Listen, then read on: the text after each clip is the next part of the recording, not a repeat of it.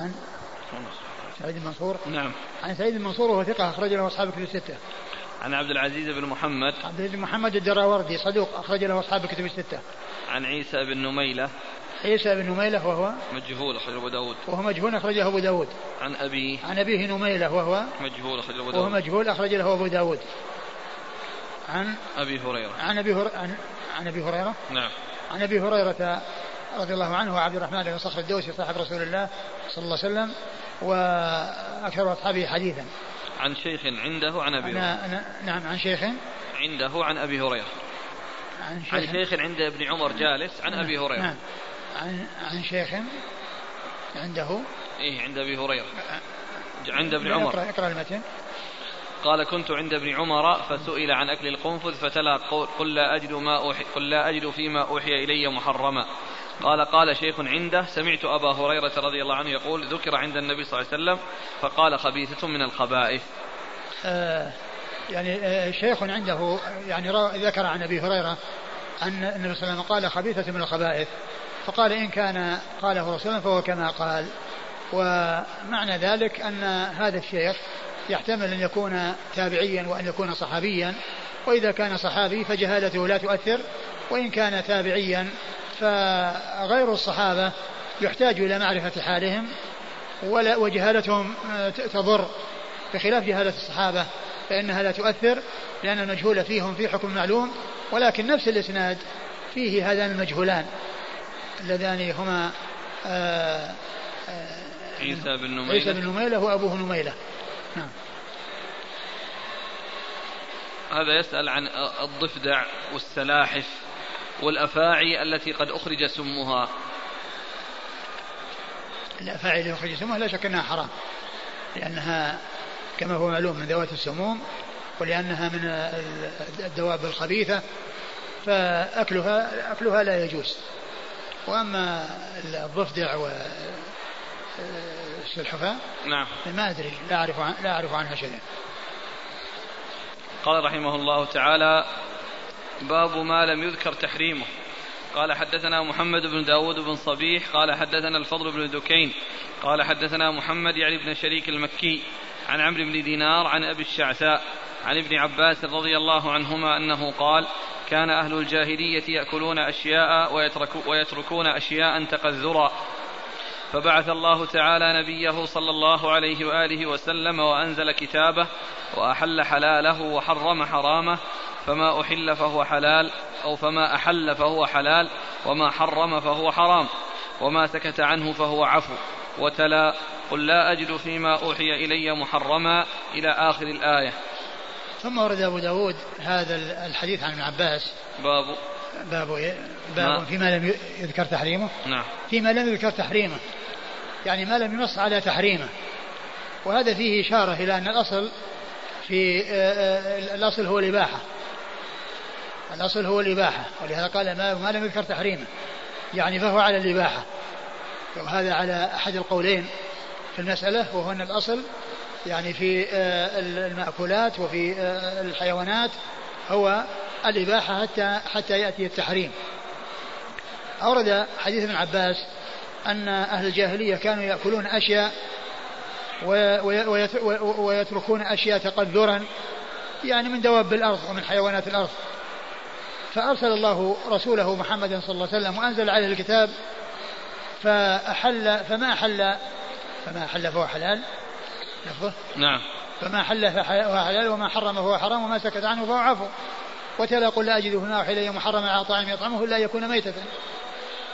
فما جاء التنصيص على أنه حلال فهو حلال. وما جاء التنصيص على أنه حرام فهو حرام. وما كان مسكوتا عنه فهو عفو يعني آه، معفو عنه. يعني للإنسان أن يأكله ما دام أنه لم يأتي التحريم. ثم تلا الآية التي فيها بيان أنه لا يجد محرما إلا كذا وكذا وفيه إشارة إلى أن الأصل هو الحل وليس التحريم. نعم. قال حدثنا محمد بن داود بن صبيح. محمد بن داود بن صبيح هو؟ ثقة أخرج أبو داود النسائي. ثقة أخرجه أبو داود والنسائي عن الفضل بن دكين. الفضل بن دكين هو أبو نعيم وهو ثقة أخرج له أصحاب الكتب الستة. عن محمد بن شريك يعني بن شريك المكي محمد بن شريك المكي هو ثقة أخرج له أبو داود ثقة أخرجه أبو داود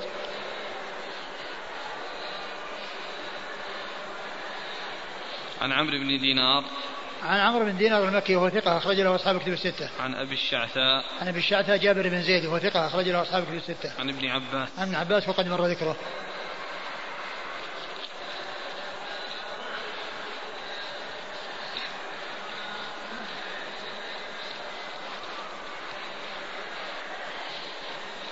يقول هل القاعدة التي قررها الشافعية كل ما استحسنته العرب فهو حلال وكل ما استخبثته العرب فهو حرام؟ هل هذه القاعدة صحيحة؟ أخذا من قوله تعالى في تحريم الخبائث وإحلال الطيبات. ما ما أدري. يعني كون العرب العرب كما هم يتفاوتون ليسوا على حد سواء. لأن الرسول صلى الله عليه وسلم يعني ما أكل الضب وخالد أكل الضب وكلهم عرب.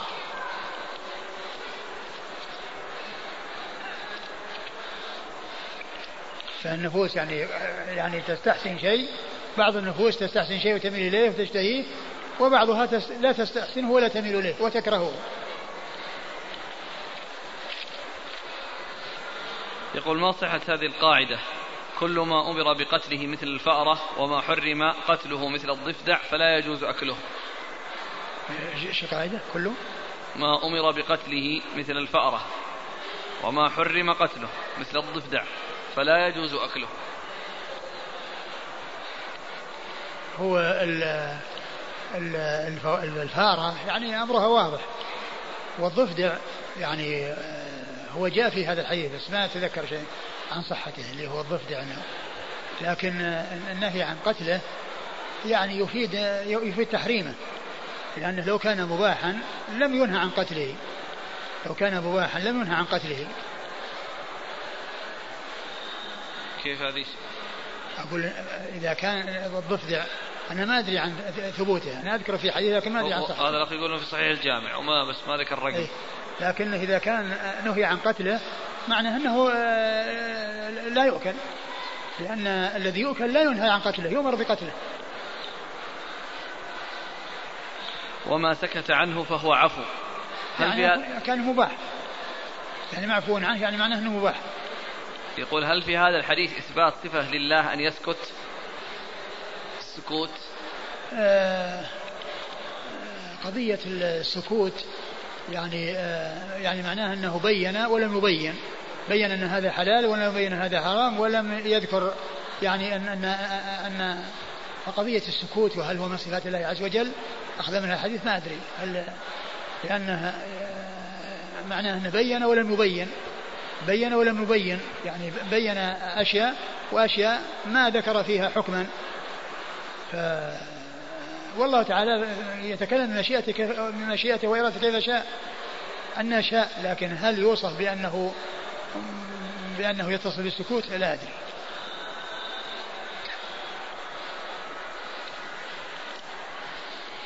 قال رحمه الله تعالى باب في أكل الضبع.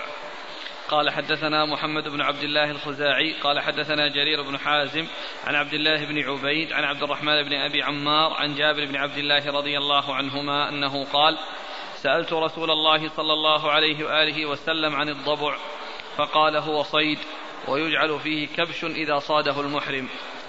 ثم ورد أبو داود باب في الضبع. وقد أورد في وقد أورد في حديث جابر بن عبد الله رضي الله تعالى عنهما أنه سأل النبي صلى الله عليه وسلم عن الضبع فقال إنه صيد وفيه كبش للمحرم. يعني معناه فيه فدية. يعني لأنه من الصيد. ولو كان يعني بخلاف ذلك ما يعني أبيح أكله ولم يجعل فيه فداء فلما كان الأمر كذلك وجعل فيه فداء في حق المحرم وأنه يكون فيه كبش وأنه مشابه لأن الكبش مشابه له جزاء مثل ما قتل من النعم أنه يعني قريب منه ويشابهه آه، صار فيه آه، دل ذلك على أنه صيد وأنه مباح وليس بحرام. نعم. قال حدثنا محمد بن عبد الله الخزاعي. محمد بن عبد الله الخزاعي محمد بن, عثمان بن عبد الله بن عثمان الخزاعي وهو؟ ثقة أخرجه أبو داود وابن ماجه. ثقة أخرجه أبو داود وابن ماجه. قال عن جرير بن حازم. عن جرير بن حازم وهو ثقة أخرج له أصحاب الكتب الستة. عن عبد الله بن عبيد. عن عبد الله بن عبيد بن عمير وهو ثقة. أخرجه مسلم وأصحاب السنن. أخرجه مسلم وأصحاب السنن. عن عبد الرحمن بن أبي عمار. عن عبد الرحمن بن أبي عمار وهو ثقة أخرجه مسلم وأصحاب السنن. ثقة أخرجه مسلم وأصحاب السنن. عن جابر بن عبد عن الله. جابر بن عبد الله الأنصاري رضي الله تعالى عنهما آه، أحد السبعة المعروفين بكثرة الحديث عن النبي صلى الله عليه وسلم. والأحاديث التي ستأتي في الباب الذي بعد هذا فيما يتعلق بالسباع وتحريم كل ذي ناب من السباع. فمن العلماء من قال إن أن أن هذه أن الضبع مستثنى من السباع.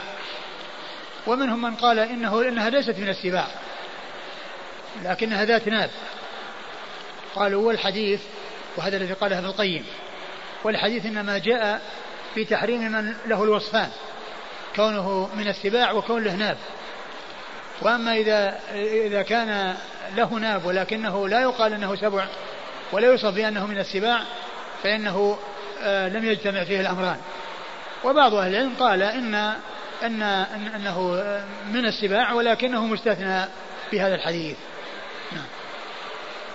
تفريق بين بين الضبع اللي ياكل الحشائش والنباتات والضبع اللي ياكل اللحوم ويفترس. له وجه ولا والله ما ما نعلم فيه الوجه ما دام إنه قال ضبع فهو مباح.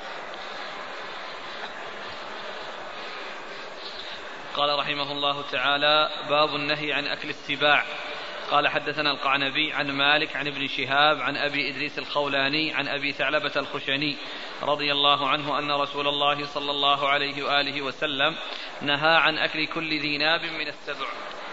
ثم ورد أبو داود هذه الترميه باب النهي عن أكل السباع. والسباع هي الحيوانات المفترسة كالأسد والذئب والنمر وغير ذلك. وقد أورد أبو داود عدة حديث منها حديث أبي ثعلب الخشني جرثوم بن ناشر رضي الله عنه أن النبي صلى الله عليه وسلم نهى عن أكل كل ذي ناب من السباع. يعني كل ذي ناب من السباع فإنه آه، فإن أكله يكون حراما. وهذه قاعدة يعني جاءت في هذا الحديث. يعني كل ذي ناب من السباع فهو حرام. قال حدثنا القعنبي. القعنبي آه، مر ذكره. عن مالك. مر ذكره. عن ابن شهاب. كذلك مر ذكره. عن أبي إدريس. عن أبي إدريس الخولاني واسمه عائذ الله. عن أبي إدريس الخولاني واسمه واسمه عائذ الله. وهو قال له رؤيا ولد في عهد النبي صلى الله عليه وسلم. وش ولد في حياة النبي صلى الله عليه وسلم أخرجه أصحاب الكتب. ولد في حياة النبي هو من كبار التابعين. من كبار التابعين أخرج له أصحاب الكتب الستة. عن أبي ثعلبة الخشني عن أبي ثعلبة الخشني رضي الله عنه وهو صحابي أخرج له أصحاب كتب الستة. قال حدثنا مسدد قال حدثنا أبو عوانة عن أبي بشر عن ميمون بن مهران عن ابن عباس رضي الله عنهما أنه قال نهى رسول الله صلى الله عليه وآله وسلم عن أكل كل ذي ناب من السبع وعن كل ذي مخلب من الطير. ثم ورد أبو داود حديث ابن عباس نهى رسول الله صلى الله عليه وسلم عن أكل كل ذي ناب من السبع وعن كل ذي مخلب من الطير. وهذا فيه بيان أن ما كان ذا مخلب من الطيور يفترس به كالصقر والباز وغيرها فإنه يكون حراما. والحديث والجزء الأول أو القسم الأول الذي جاء في حديث أبي ثعلبة آه، آه، تحريم أكل كل ذي ناب من السباع. أي أن هذه الحيوانات المفترسة آه، سواء كانت من السباع أو كانت من الطيور ما كان من السباع ذي مخلب ناب وما كان من الطيور ذا مخلب فإنه يكون حراما. وهذا من من جوامع الكلم التي أوتيها رسول الله صلى الله عليه وسلم. ولهذا جاء عن بعض الصحابة أن النبي قال إن النبي بين لنا كل شيء. ما ترك وسلم ما توفي رسول الله وهناك طائر يطير في جناح يقلب جناحه في السماء إلا أعطانا عنه علما. قال آه نهى عن كل ذناب النساء ومخلب من الطير. يعني كلام عام. لفظ عام من جوامع كلمة عليه الصلاة والسلام.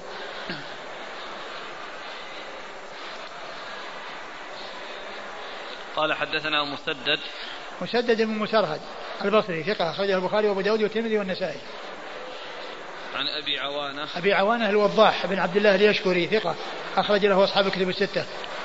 عن أبي بشر عن أبي بشر مر ذكره وجعفر بن إياس. عن ميمون بن عن ميمون بن مهران وهو ثقة أخرج حديث البخاري في الأدب المفرد. نعم ومسلم وأصحاب ومسلم وأصحاب السنة. عن ابن عباس. عن ابن عباس وقد مر ذكره. قال حدثنا محمد بن المصفى الحمصي. قال حدثنا محمد بن حرب عن الزبيدي عن مروان بن رؤبة التغلبي. عن عبد الرحمن بن أبي عوف عن المقداد بن معد كرب رضي الله عنه.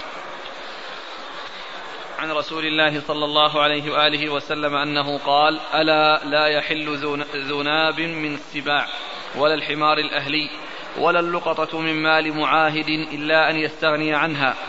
وأيما رجل ضاف قوما فلم يقروه فإن له أن يعقبهم بمثل قراه. ثم ورد أبو داود حديث المقدام. نعم. من معدي كرب رضي الله تعالى عنه. قال ألا لا يحل ذو ناب من السباع ولا الحمار الأهلي. ألا لا يحل ذو ناب من السباع. وهذا مطابق. لما جاء في حديث جابر وحديث جرثوم بن ناشر المتقدمين. ولا الحمار الأهلي. وهذا جاء يعني من هذا الطريق ومن طرق أخرى. لحوم الحمر الأهلية يوم خيبر. نعم. ولا اللقطة من مال معاهد إلا أن يستغني عنها. ولا اللقطة من مال معاهد لا يستغني عنها. ولا اللقطة من مال معاهد المعاهد هو الذي له عهد. يعني من من من أهل الكتاب. من الكفار إلا أن يستغني عنها إلا إذا تركها ويعني آه، آه، زهد فيها. نعم. وأيما رجل ضاف قوما فلم يقروه فإن له أن يعقبهم بمثل قراه. وأيما رجل ضاف قوما فلم يقروه فإن له أن يعقبهم بمثل قراه يعني يأخذ منهم آه، بمثل ما يستحقه. وهذا سبق يعني في في باب الضيافة في في هذا الكتاب في كتاب الأطعمة. بعض الأحاديث الدالة على هذا. نعم. قال حدثنا محمد بن المصفى الحمصي. محمد بن المصفى الحمصي وهو صدوق له أوهام. له أوهام أخرج له. داود والنسائي بن ماجه. أخرج له. أبو داود. أبو داود النسائي بن ماجه. عن محمد بن حرب. عن محمد بن حرب وهو ثقة أخرج أصحاب الكتب. ثقة أخرجه أصحاب الكتب الستة. عن الزبيدي. الزبيدي محمد بن الوليد. الزبيدي الحمصي وهو ثقة أخرجه أصحاب الكتب الستة إلى الترمذي. عن مروان بن رؤبة التغلبي. عن مروان بن رؤبة التغلبي وهو مقبول أخرج أبو داود. مقبول أخرج له أبو داود. عن عبد الرحمن بن أبي عوف. عبد الرحمن عبد الرحمن بن أبي عوف وهو ثقة أخرج أبو داود النسائي. هو ثقة أخرجه أبو داود النسائي. عن المقدام بن معدي كرب. عن المقدام بن معدي كرب الزبيدي رضي الله عنه وحديثه أخرجه البخاري وأصحاب السنة. البخاري وأصحاب السنة. قال حدثنا محمد بن بشار عن ابن أبي عدي عن ابن أبي عروبة عن علي بن الحكم عن ميمون بن مهران عن سعيد بن جبير عن ابن عباس رضي الله عنهما أنه قال نهى رسول الله صلى الله عليه وآله وسلم يوم خيبر عن أكل كل ذي ناب من السباع وعن كل ذي مخلب من الطير. ثم ورد أبو داود حديث ابن عباس نعم. أن النبي صلى الله عليه وسلم نهى عام خيبر عن كل ذي ناب من السباع ومخلب من الطير وهو موافق لما تقدم. قال حدثنا محمد بن بشار. محمد بن بشار الملقب بن دار. البصري ثقة أخرج له أصحاب الكتب بل هو شيخ لأصحاب الكتب. عن ابن أبي عدي. عن ابن أبي عدي وهو محمد بن إبراهيم ابن أبي عدي وهو ثقة أخرج له أصحاب الكتب الستة. عن ابن أبي عروبة. عن ابن أبي عروبة سعيد بن أبي عروبة ثقة أخرج له أصحاب الكتب الستة. عن علي بن الحكم. عن علي بن الحكم وهو ثقة البخاري وأصحاب السنن. ثقة أخرجه البخاري وأصحاب السنن. عن ميمون بن مهران عن سعيد بن جبير عن ابن عباس. وقد مر ذكر الثلاثة. قال حدثنا عمرو بن عثمان قال حدثنا محمد بن حرب قال حدثني أبو سلمة سليمان بن سليم عن صالح بن يحيى بن المقدام عن جده المقدام بن معدي كرب عن خالد بن الوليد رضي الله عنهما أنه قال غزوت مع رسول الله صلى الله عليه وآله وسلم خيبر فأتت اليهود فشكوا أن الناس قد أسرعوا إلى حظائرهم. أعد أعد قال حدثنا عمرو بن عثمان قال حدثنا محمد بن حرب قال حدثني أبو سلمة سليمان بن سليم عن صالح بن يحيى بن المقدام عن جده المقدام بن معدي كرب عن خالد بن الوليد رضي الله عنهما أنه قال غزوت مع رسول الله صلى الله عليه وآله وسلم خيبر فأتت اليهود فشكوا أن الناس قد أسرعوا إلى حظائرهم.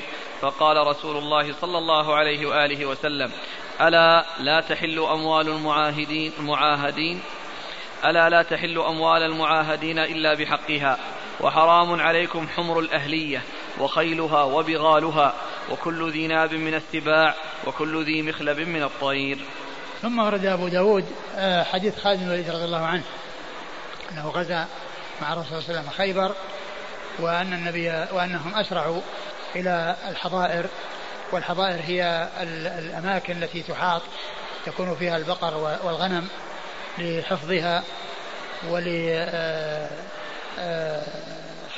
آه، آه، من من من الانفلات أو من أن يعني يحصل لها آه، يعني برد أو ما, ما إلى ذلك.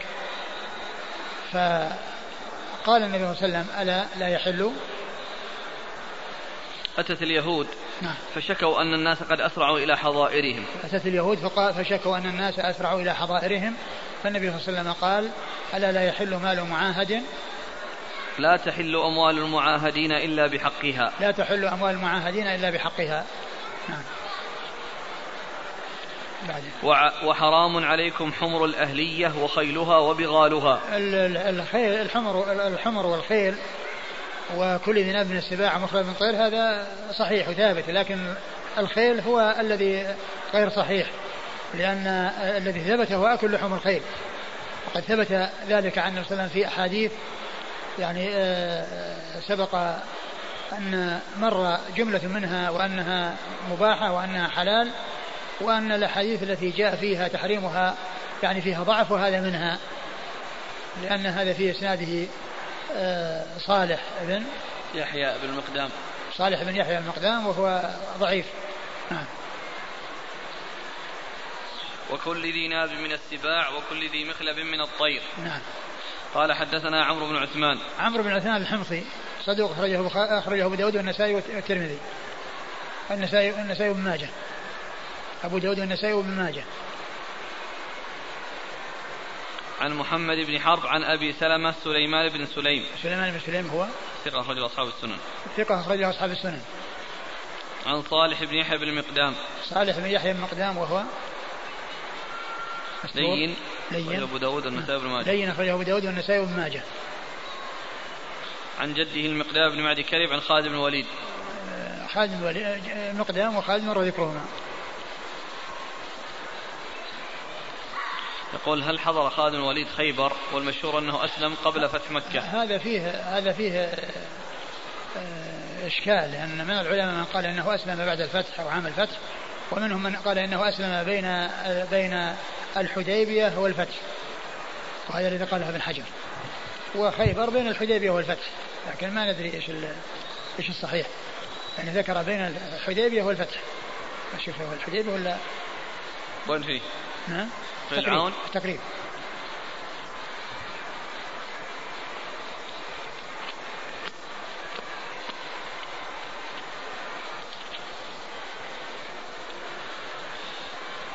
كان إسلامه بين الحديبية والفتح. إذا كلامه كذلك يكون يكون حضر خيبر. إن لم يكن بعد ذلك لأن قوله بينهما معلوم أن الفتح في سنة ثمان وخيبر في سنة سبع والحديبية في سنة ست. يعني آه، خيبر في أول السنة السابعة والفتح في رمضان من السنة الثامنة.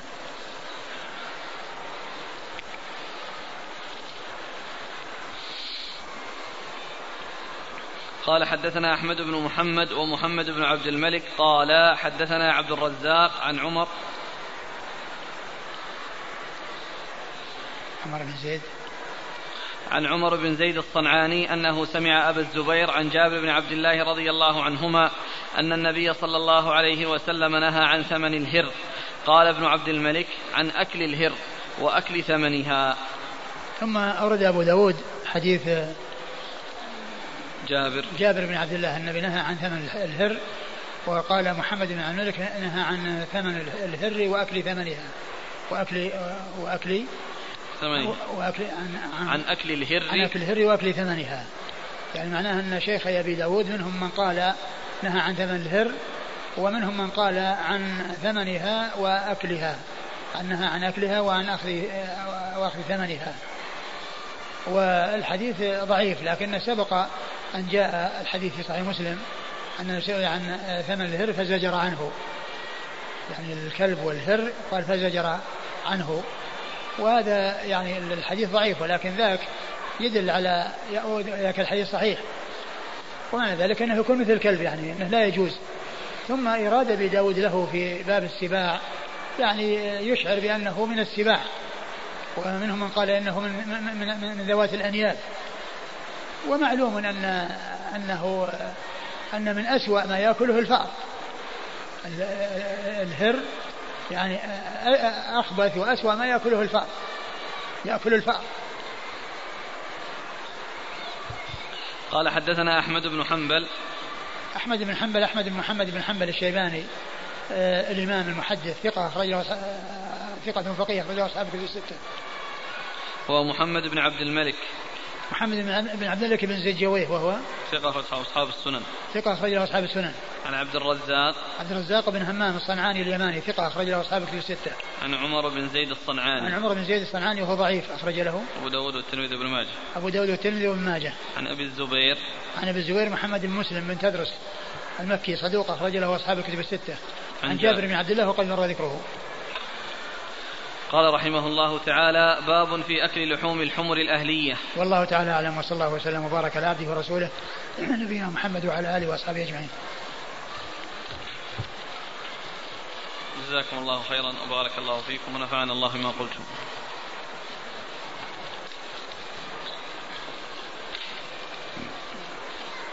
يقول السائل هل بيض الضب يؤكل؟ نعم إذا أكل أقول إذا أكل الضب فيؤكل بيضه.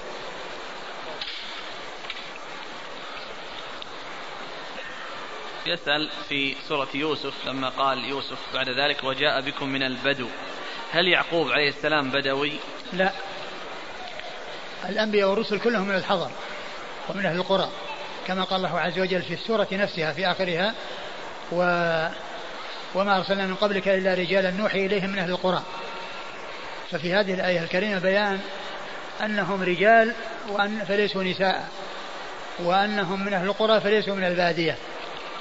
وما جاء في سورة يوسف من قوله وجاء بكم من البدو لا يدل على أنهم بادية وإنما يحمل على أنهم ذهبوا للبادية هم حاضرة ذهبوا للبادية فجلسوا في فيها مدة وجاءوا منها. كما أن البدوي لو جاء إلى الحاضرة وجلس فيها مدة ثم رجع إليها لا يقال حضري. والحضري لو خرج إلى البادية وجلس فيها مدة ثم رجع لا يقال أنه بدوي. كذلك في سورة يوسف قالوا إن يسرق فقد سرق أخ له من قبل فأسرها يوسف في نفسه ولم يبدها لهم. قال أنتم شر مكانا والله أعلم ما تصفون. السؤال هل يوسف عليه الصلاة والسلام جهر بقوله أنتم شر مكانا والله أعلم ما تصفون؟ أم قالها في نفسه؟ الذي يبدو أنه قالها بنفسه ما قالها وهو, يسمعها إياهم لأنه لو قال ذلك لا تبين لهم ولا يعني عرفوه.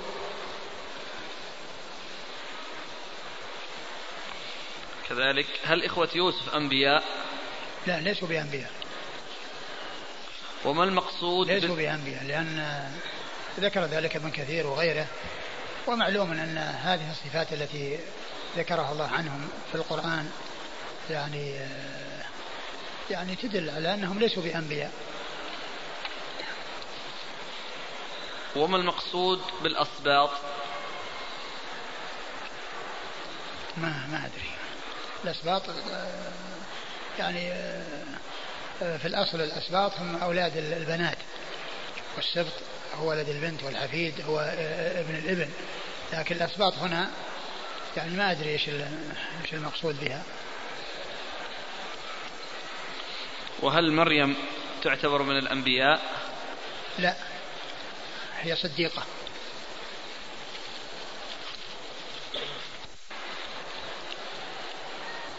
يقول بالنسبة إلى الضفادع فقد أثبت الطب الحديث أن لها دور في صناعة الأدوية وأن كثير من الأدوية فيها شيء من الضفادع فهل يجوز شرب هذا الدواء؟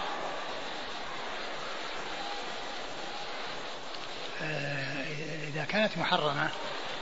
فالرسول صلى الله عليه وسلم يقول لا تداووا بحرام. يعني أقول إذا ثبت تحريمها فالنبي صلى الله عليه وسلم يقول لا تداووا بحرام.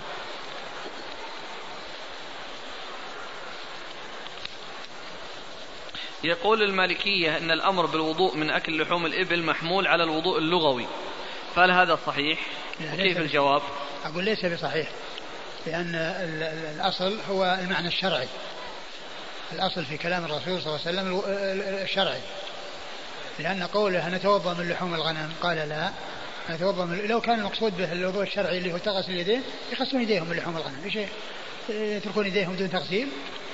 والإبل يعني يغسلونها والغنم لا يغسلونها. غسل اليدين آه،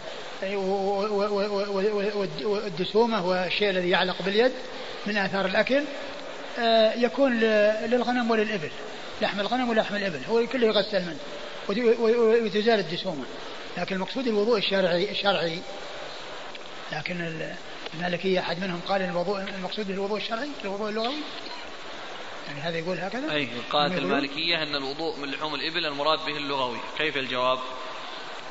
ما ما أدري عن صحة هذا لكن الأصل هو آه، الحقيقة الشرعية. الأصل في كلام الرسول صلى الله عليه وسلم الحقيقة الشرعية. ألم يأتي عن النبي صلى الله عليه وسلم في البخاري أن أن الأمة التي مسخت إنما مسخت إلى فئران؟ إلا ورد بس إنه ما قال أنها مسخت قال لا أدري مثل هذا. أقول فيه مثل مثل ما قيل في الضب يعني شيء يعني يقول لا أدري هل هي كذا يعني من جنس الكلام اللي جاء في الضب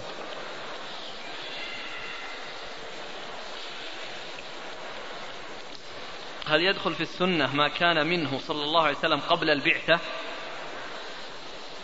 لا لأن التشريع آه، كله بعد البعثة لأن الوحي ينزل عليه في خلال 23 سنة.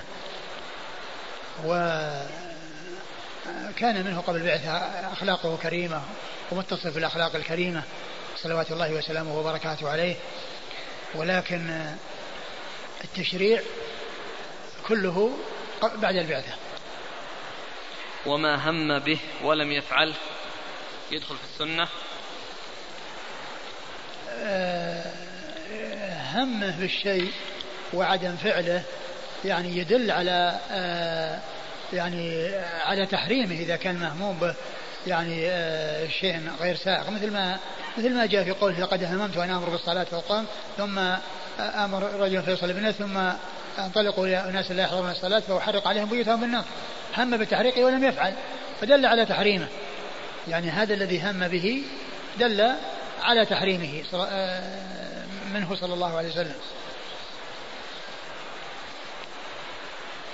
يقول هل أكل الثعبان محرم؟ حيث أن في بعض التدريبات العسكرية أكل الثعبان هذا يعتبر من تدريب الجنود. أكل الثعبان هذه الحشرات يعني كالعقارب والحيات هذه خبيثة لا تؤكل. يقول هناك حيوان اسمه النيص يشبه القنفذ ولكنه أكبر منه. حكمه؟ لا أدري. حصل على والدي حادث وقد توفي في الحادث ثلاثة نساء واحدة مسلمة واثنتان مسيحيتان. هل يصوم عن الثلاثة أم عن المسلمة فقط؟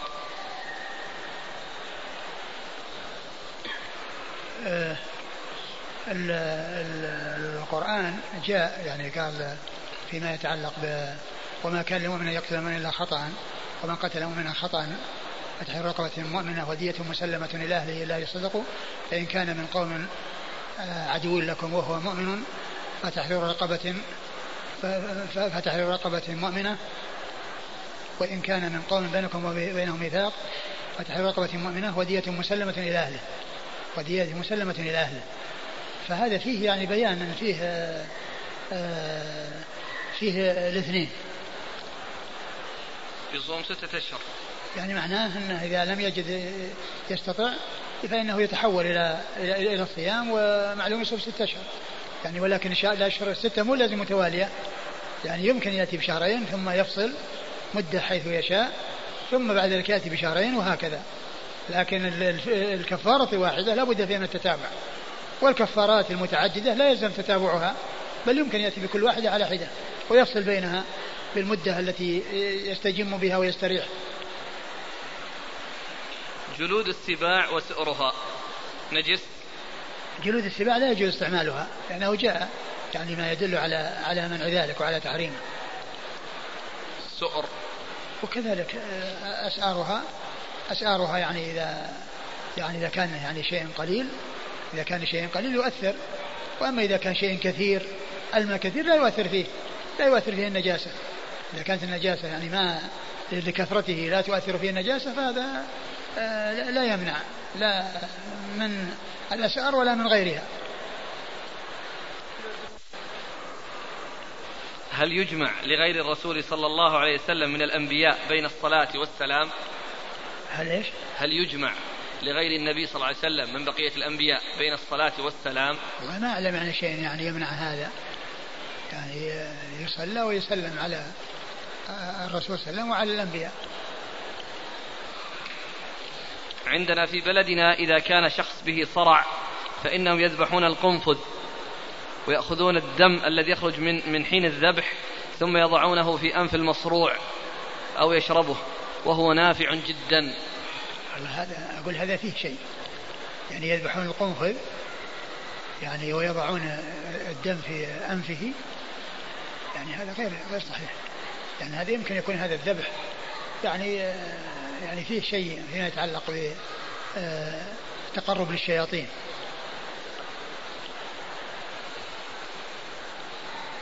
هل من السنة صلاة ركعتين قبل السفر؟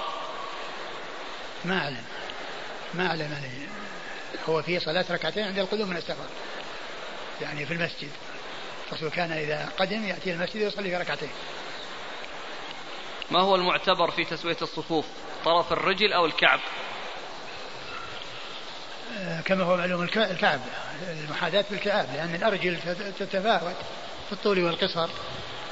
فإذا آه، الرجل الذي رجله قصيرة إذا صارت يعني أراد أن تحاذي من رجله طويلة يكون متقدما ولكن المحاذاة إنما هو بالكعاب جزاكم الله خيرا وبارك الله فيكم ونفعنا الله بما قلت. الرحمن الرحيم. الحمد لله رب العالمين والصلاة والسلام على عبد الله ورسوله نبينا محمد وعلى آله وصحبه أجمعين أما بعد. قال الإمام أبو داود السجستاني يرحمه الله تعالى باب في أكل لحوم الحمر الأهلية. قال حدثنا إبراهيم بن حسين المصيصي.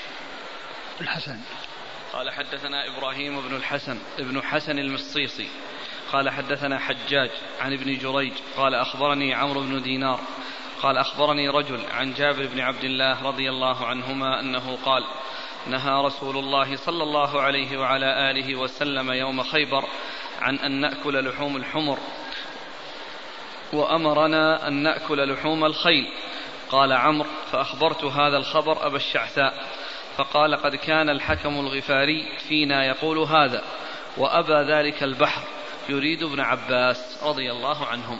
بسم الله الرحمن الرحيم. الحمد لله رب العالمين وصلى الله وسلم وبارك على عبده ورسوله نبينا محمد وعلى آله وأصحابه أجمعين. أما بعد فيقول الإمام أبو داود السيستاني رحمه الله تعالى باب في أكل لحوم الحمر الأهلية. آه، لحوم الحمر الأهلية أكلها حرام فقد حرم ذلك عام خيبر وجاء فيها حديث كثيرة عن رسول الله صلى الله عليه وسلم وقد أورد أبو داود حديث جابر بن عبد الله رضي الله تعالى عنهما أن النبي صلى الله عليه وسلم حرم لحوم عام خيبر حرم لحوم الحمر الأهلية وأذن في لحوم الخيل. فدل هذا على تحريم لحوم الحمر الأهلية وعلى إباحة أكل لحوم الخيل. وقد جاء جاءت الأحاديث عن النبي عليه الصلاة والسلام في تحريم لحوم الحمر الأهلية عن عشرين صحابيا ذكرهم ابن القيم. رحمه الله في تهذيب السنن. ذكر ابن القيم هؤلاء الصحابة العشرين في تهذيب السنن. وذكر طريقا أخرى فيها أن أبا الحكم أن الحكم الغفاري قال أو جاء عنه مثل ما جاء عن جابر رضي الله عنه قال وأبى ذلك البحر يعني ابن عباس. وقيل لعل ذلك كان منه قبل أن يبلغه أو تبلغه الأحاديث في ذلك عن رسول الله صلوات الله وسلامه وبركاته عليه. والحمر الأهلية حرمت وقد جاء في تعليل تحريمها بأنها رجس. جاء ذلك عن رسول الله صلى الله عليه وسلم في بعض الأحاديث.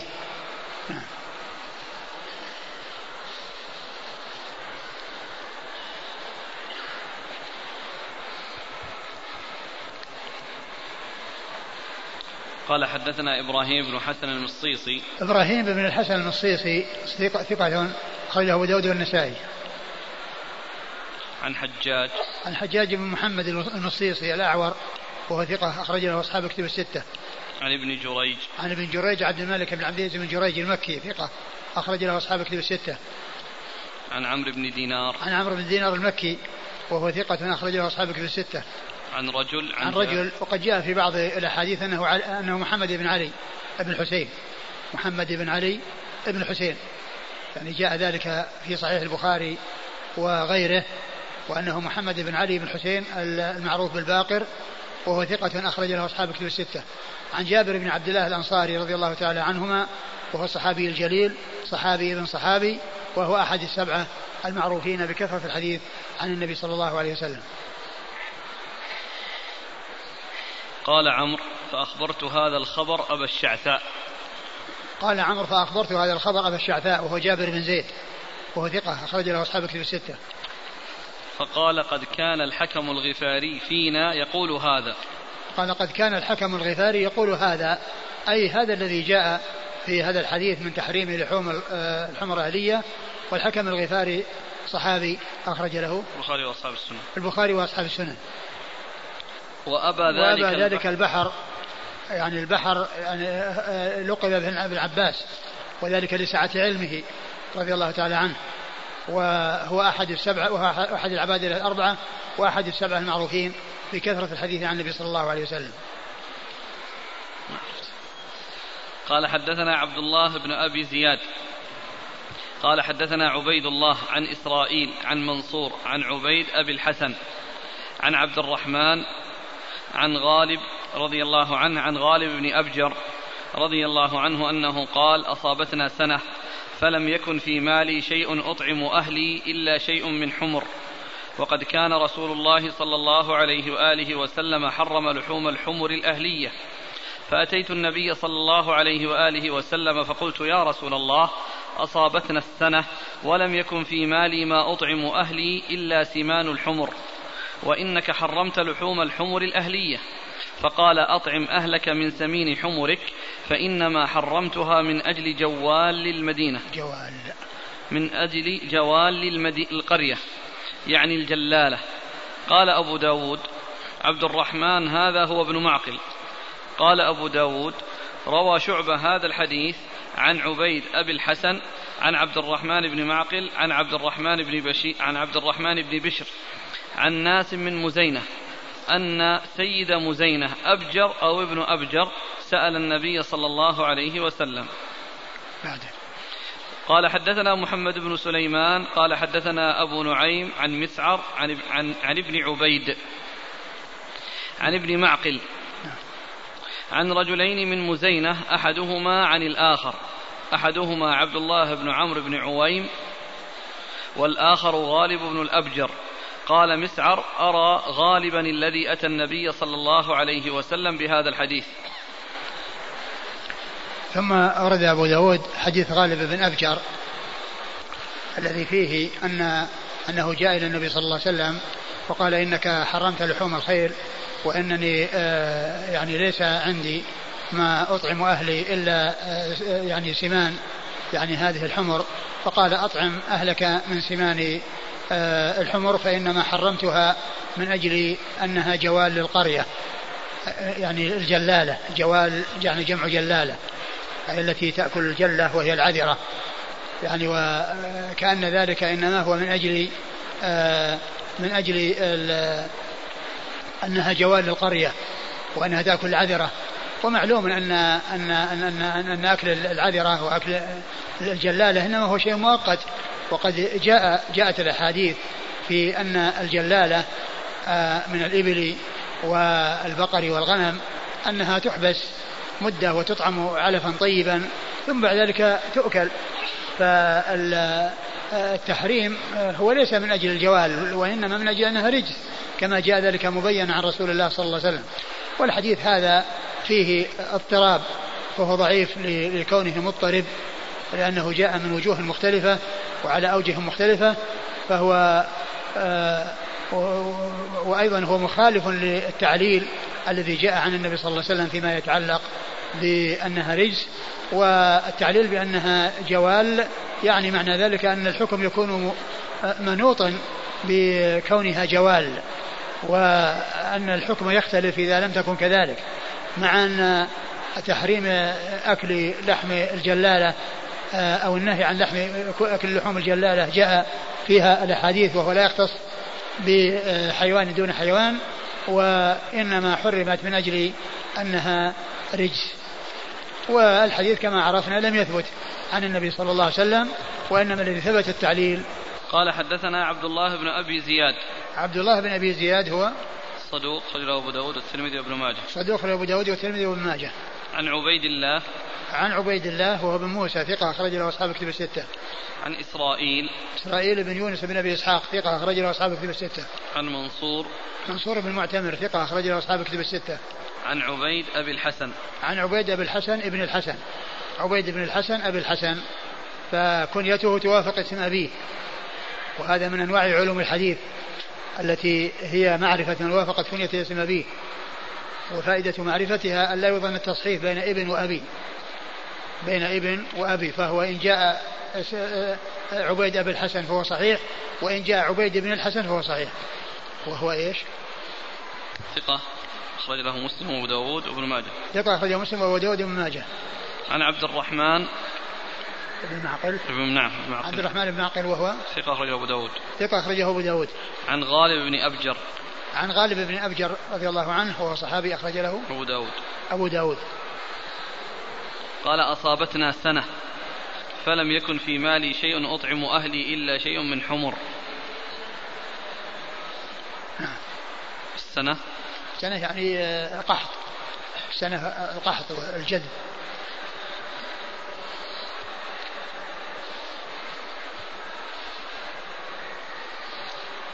قال أبو داود عبد الرحمن هذا هو ابن معقل. قال أبو داود روى شعبة هذا الحديث عن عبيد أبي الحسن عن عبد الرحمن بن معقل عن عبد الرحمن بن بشر عن ناس من مزينة أن سيد مزينة أبجر أو ابن أبجر سأل النبي صلى الله عليه وسلم. آه شعبة آه ابن الحجاج الواسطي ثقة أخرج له أصحاب كتب الستة. عن عبيد أبي الحسن عن عبد الرحمن بن معقل عن عبد الرحمن بن بشر. عبد الرحمن بن بشر هو؟ مقبول أخرجه مسلم وأبو داود النسائي. مقبول أخرجه مسلم وأبو داود النسائي. عن ناس من مزينة أن سيد مزينة أبجر أو ابن أبجر سأل النبي صلى الله عليه وسلم. وهذا من هذا من الاضطراب الذي فيه. وهناك هو غالب بن أبجر.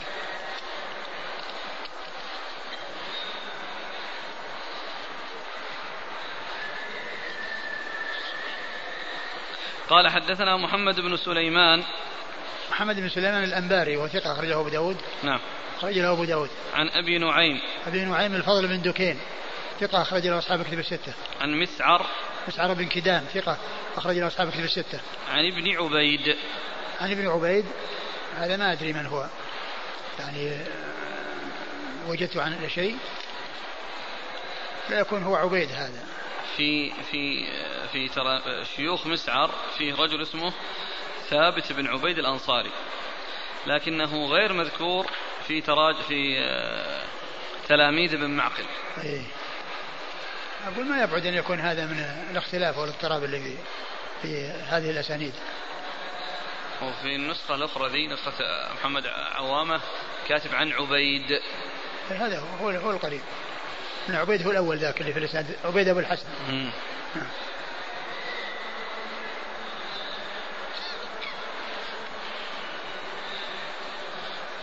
عن ابن معقل عن رجلين من مزينة أحدهما عن الآخر أحدهما عبد الله بن عمرو بن عويم والآخر غالب بن الأبجر. عبد الرحمن بن عمرو بن عبيد هو بن عويم.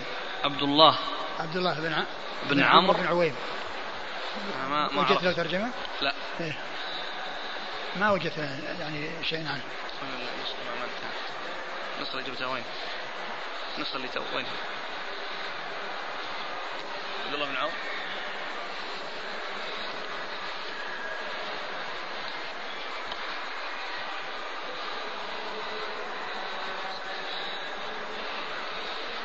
ما نسترجع والآخر غالب بن الأبجر قال مسعر أرى غالبا الذي أتى النبي صلى الله عليه وسلم بهذا الحديث. يعني أنه هو هو الصحابي أو هو هو نهاية الإسناد.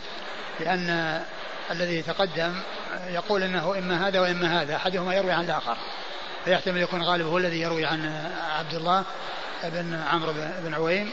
ويحتمل أن يكون كذا. ثم قال إن أبجر أن مسعر أن هذا آه الذي أتى النبي صلى الله عليه وسلم هو غالب. نعم.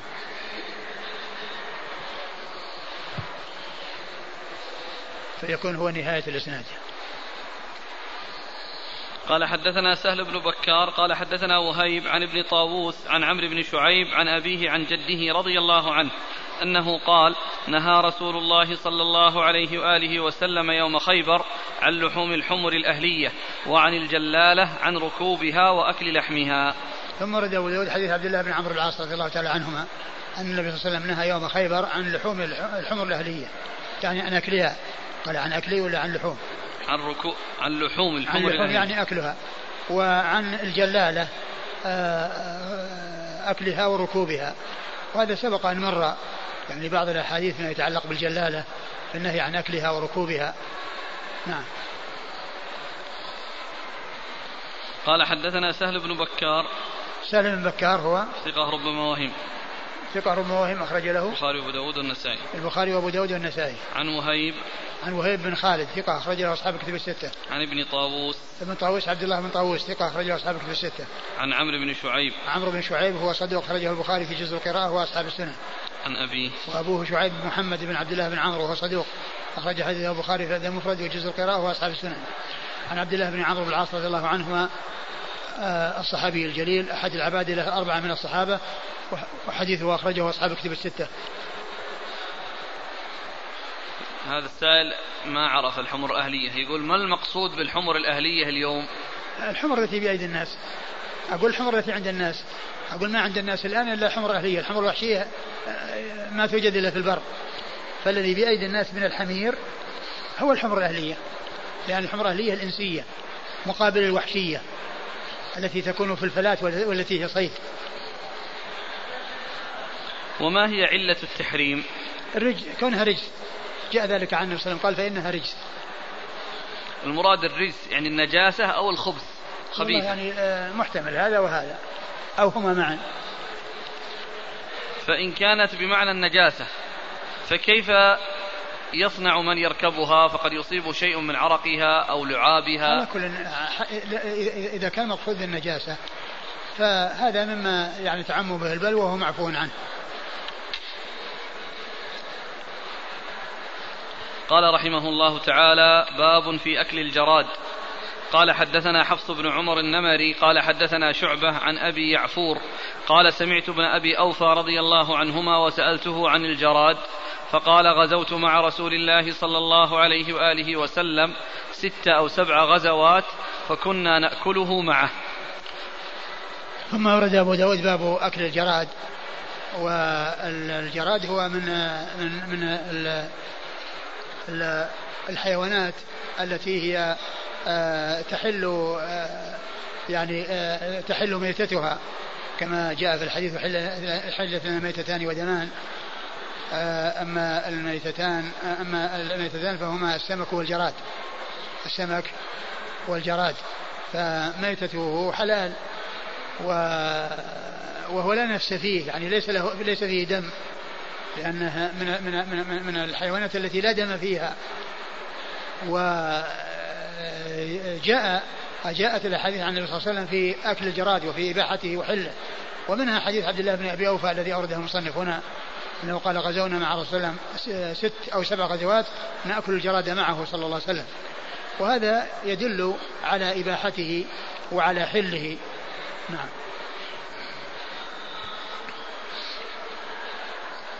قال حدثنا حفص بن عمر النمري. حفص بن عمر النمري ثقة أخرج له البخاري وأبو داود والنسائي. عن شعبة عن أبي يعفور. شعبة مر ذكره وأبو يعفور هو قدان وهو ثقة أخرج أصحاب الكتب. ثقة أخرج أصحاب الكتب الستة. عن ابن أبي أوفى. عن ابن أبي أبي ابن أبي أوفى عبد الله بن أبي أوفى ثقة وهو صحابي أخرج وهو صحابي أخرج له أصحاب الكتب الستة. الصحابة لا لا يحتاجون إلى توثيق ولا يقال عن أحد منهم ثقة وإنما يكفي أن يقال إنه صحابي أو أنه صاحب النبي صلى الله عليه وسلم.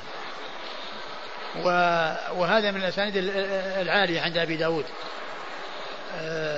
من هو إسناده الإسناد حفص بن عمر, بن عمر عن شعبة, شعبة عن وأبو يعفور وعبد الله بن أبي وفاء رباعي. من الأسانيد عند أبي داود. أبو يعفور اسمه وقدان. وهو أبو يعفور الكبير الأكبر. وهناك أبو يعفور الأصغر غير هذا. نعم. قال حدثنا محمد بن الفرج البغدادي قال حدثنا ابن الزبرقان قال حدثنا سليمان التيمي عن أبي عثمان النهدي عن سلمان رضي الله عنه أنه قال سئل النبي صلى الله عليه وعلى آله وسلم عن الجراد فقال أكثر جنود الله لا آكله ولا أحرمه. ثم أورد أبو داود هذا الحديث عن سلمان أن النبي صلى الله عليه وسلم قال إن الجراد أكثر جنود الله لا آكله ولا أحرمه. وقد عرفنا أن الحديث ثبت عن النبي صلى الله عليه وسلم في حله وإباحته وأنه وأن الصحابة أكلوه مع النبي صلى الله عليه وسلم في غزوات كثيرة. كما مر في الحديث السابق ست غزوات أو سبع غزوات يأكلون الجراد معه صلى الله عليه وسلم. وقوله هنا أكثر جند الله يعني يحمل على أنه جند الله في الأرض. وأما الملائكة فهم الكثرة الكاثرة. الذين يعني آه، لا يعلمهم إلا الله سبحانه وتعالى وما يعلم جنود ربك إلا هو. فهم آه، خلق كثير و آه، وإنما أكثر جند الله يعني يعني في الأرض. يحمل على أنه في الأرض؟ فإن الملائكة هم الكثرة الكاثرة. وقد جاء في الأحاديث ما يدل على كثرتهم. وذلك في الحديث الذي فيه أن أنه ما من يعني أطت السماء وحق لها أن تأط. ما فيها موضع قدم إلا وفيه يعني ملك راكع أو ساجد الله عز وجل. وكذلك الحديث الذي فيه البيت المعمور وأنه في السماء السابعة يدخله يوميا سبعون ألف من الملائكة ومن دخله لا يدخله مرة أخرى. وكل إنسان من الإنس معه قرين من الجن وقرين من الملائكة. والملائكة كثرة لا يعلمهم الله عز وجل. وما جاء فيه من أنه لا يحله ولا يحرمه آه الذي ثبت هو آه، تحليله إياه وأنه حلال وأنه غير محرم. والحديث يعني فيه آه اختلاف في رفعه ووقفه كما يعني ذكره المصنف. نعم. قال حدثنا محمد بن الفرج البغدادي. محمد بن الفرج البغدادي هو؟ صدوق خرج مسلم وأبو داود. صدوق خرج مسلم وأبو داود. عن ابن الزبرقان. عن ابن الزبرقان وهو محمد بن الزبرقان وهو صدوق ربما وهم أخرجه أصحاب الكتب إلا الترمذي. صدوق ربما وهم أخرجه أصحاب الكتب الستة إلا الترمذي. عن سليمان التيمي. عن سليمان بن طرخان التيمي ثقة أخرج له أصحاب الكتب الستة. عن أبي عثمان النهدي. أبي عثمان النهدي وهو عبد الرحمن بن مل وهو ثقة أخرجه أصحاب الكتب الستة. عن سلمان. عن سلمان الفارسي رضي الله عنه وحديثه أخرجه أصحاب الكتب الستة. قال أبو داود رواه المعتمر عن أبيه عن أبي عثمان عن النبي صلى الله عليه وسلم لم يذكر سلمان رضي الله عنه. يعني أنه مرسل. يعني عن أبي عثمان النهدي عن النبي صلى الله عليه وسلم ولم يذكر سلمان. وهذا من رواية المعتمر عن أبيه الذي هو سليمان بن طرخان. وهذا المعتمر بن سليمان بن طرخان وهو ثقة المعتمر بن سليمان. أخرجه أصحاب كتب الستة. قال حدثنا نصر بن علي وعلي بن عبد الله قال حدثنا زكريا بن يحيى بن عمارة عن أبي العوام الجزار عن أبي عثمان النهدي عن سلمان رضي الله عنه أن رسول الله صلى الله عليه وآله وسلم سئل فقال مثله فقال أكثر جند الله. قال علي اسمه فائد يعني أبا العوام. في طريقة أخرى إيش نعم. قال حدثنا نصر بن علي. لا بعده. قال أبو داود رواه حماد بن سلمة عن أبي العوام عن أبي عثمان عن النبي صلى الله عليه وسلم لم يذكر سلمان. ثم أورد أبو داود آه يعني آه الحديث من طريق أخرى وفيها آه ذكر سلمان وعدم ذكره. يعني كالطريقتين الطريقين السابقتين فيها ذكره وعدم ذكره. نعم. نصر بن علي ابن نصر بن علي الجهضمي ثقة أخرج له أصحاب الكتب الستة. وعلي بن عبد الله. علي بن عبد الله هو المديني وهو ثقة أخرجه البخاري وأبو داود والترمذي والنسائي وابن ماجه في التفسير. عن زكريا بن يحيى بن عمارة. عن زكريا بن يحيى بن عمارة وهو صدوق يخطئ صدوق يخطئ أخرج له. البخاري في المفرد وأبو داود والنسائي بن ماجه. البخاري في المفرد وأبو داود والنسائي بن ماجه. عن أبي العوام الجزار. عن أبي العوام الجزار واسمه فايد وهو مقبول أخرج أبو داود والنسائي بن ماجه. مقبول أخرجه أبو داود والنسائي بن ماجه. عن أبي عثمان النهدي عن سلمان. وقد مر ذكرهما. قال أبو داود رواه حماد بن سلمة عن أبي العوام حماد بن سلمة. ثقة أخرجه البخاري تعليقا ومسلم وأصحاب السنن عن أبي العوام عن أبي عثمان عن النبي صلى الله عليه وسلم لم يذكر سلمان. نعم. إذا الحديث ضعيف. نعم. مرفوع متصل ولا مرسل؟ نعم. لا هو هو هو هو جاء مرسلا متصلا ويعني لكن الذين وصل الذين أرسلوه يعني آه، فيهم المعتمر بن سليمان. الذي يروي عن أبيه وذاك فيه يعني صدوق يهم الذي الذي شاركه في الرواية عن سليمان بن طرخان. محمد بن الزبرقان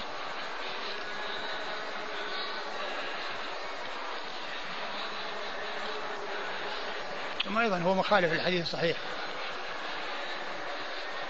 ذاك الحديث رواه من رواه من رواه الأول اللي هو حديث حديث ابن أبي أوفى. أخرجه البخاري ومسلم. البخاري. البخاري ومسلم متفق عليه. نعم. الكلام عن الجراد الأسئلة كثرت قالوا أنه الجراد أنواع. وش الجراد الجائز والجراد غير الجائز؟ في نعم. جراد جبال وجراد بحر. الجراد هو هذا الدواب التي آه،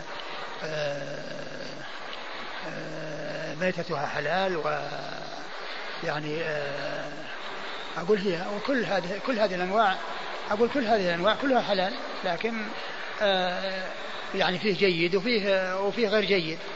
أقول هو متفاوت إلا كلها حلال.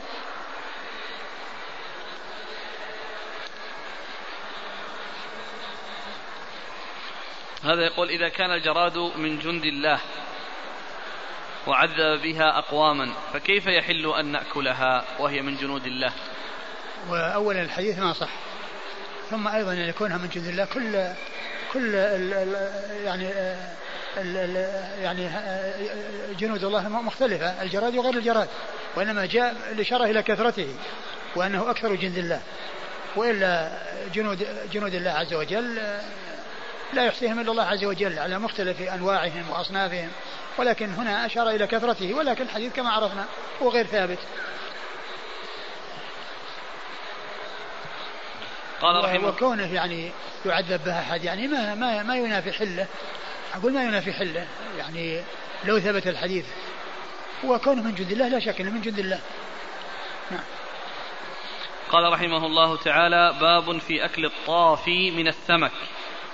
قال حدثنا أحمد بن عبده قال حدثنا يحيى بن سليم الطائفي قال حدثنا إسماعيل بن أمية عن أبي الزبير عن جابر بن عبد الله رضي الله عنهما أنه قال قال رسول الله صلى الله عليه وعلى آله وسلم ما ألقى البحر أو جزر عنه فكلوه وما مات فيه وطفى فلا تأكلوه.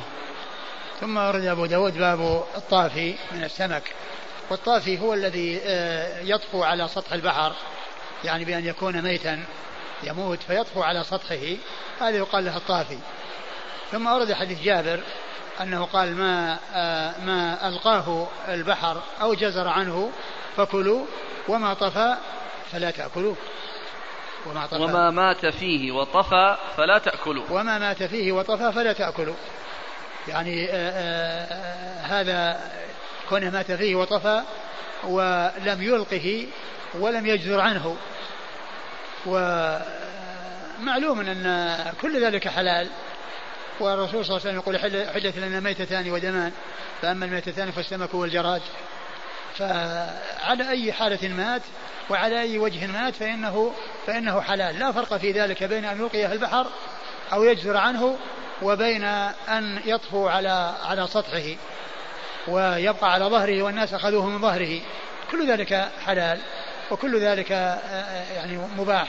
ولا ولا بأس به. وقوله ألقاه يعني معناه قذفه حتى صار يعني ظهر على على البر وهو حي ثم مات. أو جزر عنه بمعنى أن البحر بدل ما كان مد وتجاوز يعني إلى مكان ظهر فيه السمك ثم انجزر عنه وبقي في الأرض اليابسة ثم مات في ثم مات. فكل ذلك يعتبر ميتة. سواء آه، مات في البحر وطفى وسواء آه، قذفه البحر على البر ومات في البر أو جزر عنه ومات في المكان الذي جزر عنه وخلي من الماء. كل ذلك يعتبر حلال والحديث الذي فيه التفصيل يعني آه، يعني فيه فيه ضعف هذا الحديث. نعم. حديث نعم. حلت لنا ميتتان ودمان. والحديث حلت لنا ميتتان ودمان. آه، يشمل يشمل هذا وهذا يعني يشمل آه، جميع الأصناف هذه. قال حدثنا أحمد بن عبده. أحمد بن عبده آه ثقة أخرج له. مسلم وأصحاب السنن. مسلم وأصحاب السنن. عن يحيى بن سليم الطائفي. يحيى بن سليم الطائفي وهو؟ صدوق سيء الحفظ. صدوق سيء الحفظ. أخرج أصحاب الكتب. أخرج أصحاب الكتب الستة. عن إسماعيل بن أمية. عن إسماعيل بن أمية ثقة أخرج أصحاب الكتب الستة. عن أبي الزبير. عن أبي الزبير محمد بن مسلم ابن تدرس وهو صدوق أخرج أصحاب الكتب الستة. عن جابر جابر مر ذكره من خرج غير غير أبي داود. أخرجه ابن ماجه. أخرجه ابن ماجه. يعني فيه في عنعنة ابن الزبير وفيه يعني كون هذا صدوق سيء الحفظ ثم أيضا مخالف لما جاء في الأحاديث من حدث الميتتان ودمان ومنها آه، آه، حديث آه، العنبر الكبير الذي كان على ساحل البحر وأن يعني وأن أنه البحر يعني قذف يعني ذلك العنبر الكبير الذي جلسوا عليه شهرا وهم يأكلون من ذلك الحيوان من حيوان البحر. نعم.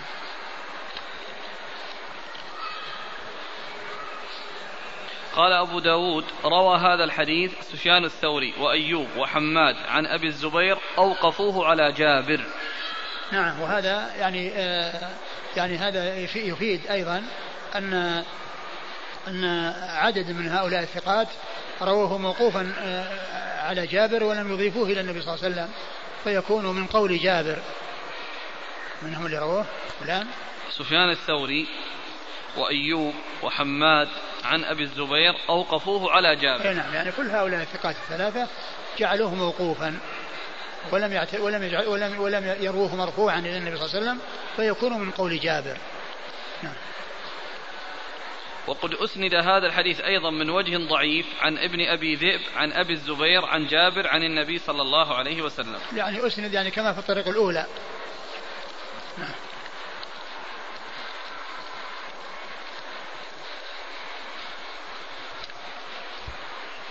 نترجم الرواة نعم.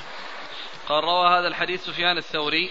سفيان الثوري سفيان بن سعيد المسروق الثوري ثقة أخرج له أصحاب الكتب الستة. وأيوب. أيوب السختياني ثقة أخرج له أصحاب الكتب الستة. وحماد. وحماد. وحماد هو ابن سلمة. ابن سلمة مر ذكره. عن أبي الزبير أوقفوه على جابر وقد أسند هذا الحديث أيضا من وجه ضعيف عن ابن أبي ذئب. ابن أبي ذئب هو هو هو محمد بن عبد الرحمن ابن المغيرة بن أبي ذئب ثقة أخرج له أصحاب الكتب الستة. عن أبي الزبير عن جابر. عن أبي الزبير عن جابر ومعلوم أن الضعف أنه يعني من, من تحت عبد الرحمن محمد بن عبد الرحمن اللي يقول وجه ضعيف. نعم.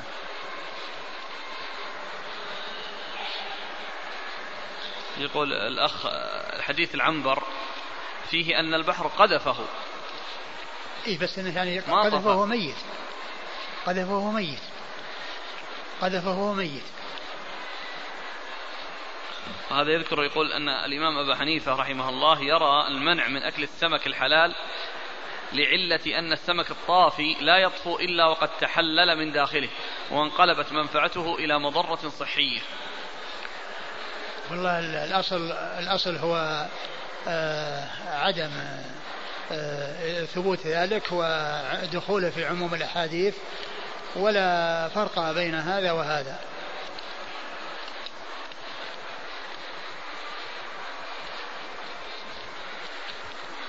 قال رحمه الله تعالى باب في المضطر إلى الميتة. قال حدثنا موسى بن إسماعيل قال حدثنا حماد عن سماك بن حرب عن جابر بن, بن سمرة رضي الله عنهما أن رجلا نزل الحرة ومعه أهله وولده. فقال رجل إن ناقة لي ضلت فإن وجدتها فأمسكها فوجدها فلم يجد صاحبها فمرضت. فقالت امرأته انحرها فأبى فنفقت. فقالت اسلخها حتى نقدد شحمها ولحمها حتى نقدد شحمها ولحمها ونأكله. فقال حتى أسأل رسول الله صلى الله عليه وسلم. فأتاه فسأله فقال هل عندك غنى يغنيك؟ قال لا. قال فكلوها. قال فجاء صاحبها فأخبره الخبر. فقال هلا كنت نحرتها؟ قال استحييت منك. أعد الإسناد. قال حدثنا موسى بن إسماعيل عن حماد عن سماك بن حرب عن جابر بن سمرة. ثم أورد أبو داود باب باب في المضطر إلى الميتة. باب في المضطر إلى الميتة. أي أنه يأكل منها على قدر يعني ما يزيل عنه الضرورة والحاجة التي دعته إلى ذلك. وقد أورد أبو داود حديث جابر بن عبد الله رضي الله تعالى عنه أن رجلا جاء إلى النبي صلى الله عليه وسلم. جابر بن نعم. جابر بن سمرة نعم. جابر بن سمرة رضي الله تعالى عنهما قال أن رجلا نزل الحرة ومعه أهله وولده. نعم. الحرة؟ الحرة يعني هي الأرض التي فيها حجارة سوداء. والمدينة يعني هي حولها حرار. نعم. فقال رجل إن ناقة لي ضلت فإن وجدتها فأمسكها. فوجدها فلم يجد صاحبها فمرضت. فقالت امرأته انحرها فأبى فنفقت. يعني ماتت. فق... انتهى. بعد. فقالت اسلخها حتى نقدد شحمها ولحمها ونأكله. فقال حتى أسأل رسول الله صلى الله عليه وسلم. فأتاه فسأله فقال هل عندك غنى يغنيك؟ قال لا. قال فكلوها. قال فجاء صاحبها فأخبره الخبر. فقال هلا هل كنت نحرتها؟ قال استحييت منك. من خرجها أبي داود؟ ما ذكره. ما ذكره. وهو عن عن موسى بن إسماعيل عن حماد. عن سماك بن حرب عن جابر بن سمرة. نعم. أورد أبو داود حديث جابر بن سمرة رضي الله تعالى عن رضي الله تعالى عنهما أن رجلا آه، قال لرجل إن لي ناقة آه، ظلت فإذا إيش؟ فإذا وجدتها؟ إذا وجدتها فأمسكها. إذا وجدتها فأمسكها. يعني أوصاه بأنه آه، يحبسها ويبقيها عنده حتى حتى تصل إليه. فأمسكها ثم إنها مرضت فقالت له امرأته ينحرها فأبى أن ينحرها ثم إنها نفقت يعني ماتت. فقالت امرأته لو أنك يعني قددت لحمها وأكلناه قال لا حتى أسأل رسول الله صلى الله عليه وسلم. فسأله فقال كلها فقال كلها. قال هل عندك غنى يغنيك؟ هل عندك غنى يغنيك؟ قال لا. قال كلها. يعني إن, إن أنه يباح له أن يأكل عند عند الضرورة وعند عند ما يدفع به اضطراره. لا أنه يأكلها يعني كما يأكل غيرها ولا فرق بينها وبين غيرها. ومن العلماء من قال إن المحتاج له أن يأكل يعني ويتوسع في الأكل. ولكن الآية وجاءت في في قصر ذلك على الضرورة. وأن الإنسان يعني يأكل على قدر الضرورة لأن الميتة نجسة يعني وخبيثة فلا يتناول من الخبيث إلا مقدار ما يسد به رمقه ويعني آه، يسد به جوعه. أما أن يتوسع في الأكل ويتفنن فيه ويكثر من الأكل من غير أن يكون هناك ضرورة لذلك فلا. نعم. فجاء ص... نعم فجاء. فجاء صاحبها فأخبره الخبر فقال هلا كنت نحرتها؟ قال استحييت منك. قال هل نحرتها لما كانت مريضة؟ قال استحييت منك يعني أنحرها وهي مريضة. نعم. قال حدثنا موسى بن إسماعيل. موسى بن إسماعيل التبوذكي ثقة أخرجه أصحابه في الستة. عن حماد. حماد هو بن سلمة. عن سماك بن حرب. سماك بن حرب صدوق أخرجه البخاري تعليقا ومسلم وأصحاب السنة. عن جابر عن جابر بن سمر رضي الله تعالى عنهما وهو صحابي أخرجه أصحابه في الستة. موسى حماد سماك. وباعد هذا من الأسانيد العالية عند أبي داود. يعني يحمل على الحاجة وعلى على الضرورة.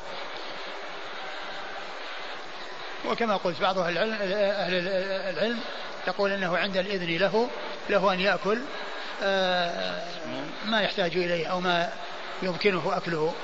ولكن كون الآية قيدت ذلك بالضرورة وكونه من اللحم الخبيث الذي هو ميتة ونجس يعني لا لا يتجاوز فيه ما يدفع الضرورة.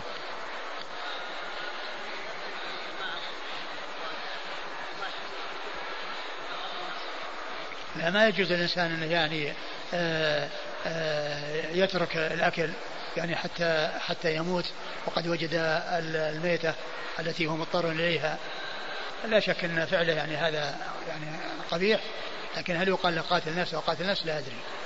نعم. يقول ألا يمكنه أن يسأل غيره؟ فترك سؤال الغير وأجيز له أن يأكل الميتة. فهل فيه دليل والله على والله لا شك أن أن كونه يعني يسأل الغير أو يقترض أو يعني آه، يستدين أن أنه أولى من أكل الميتة.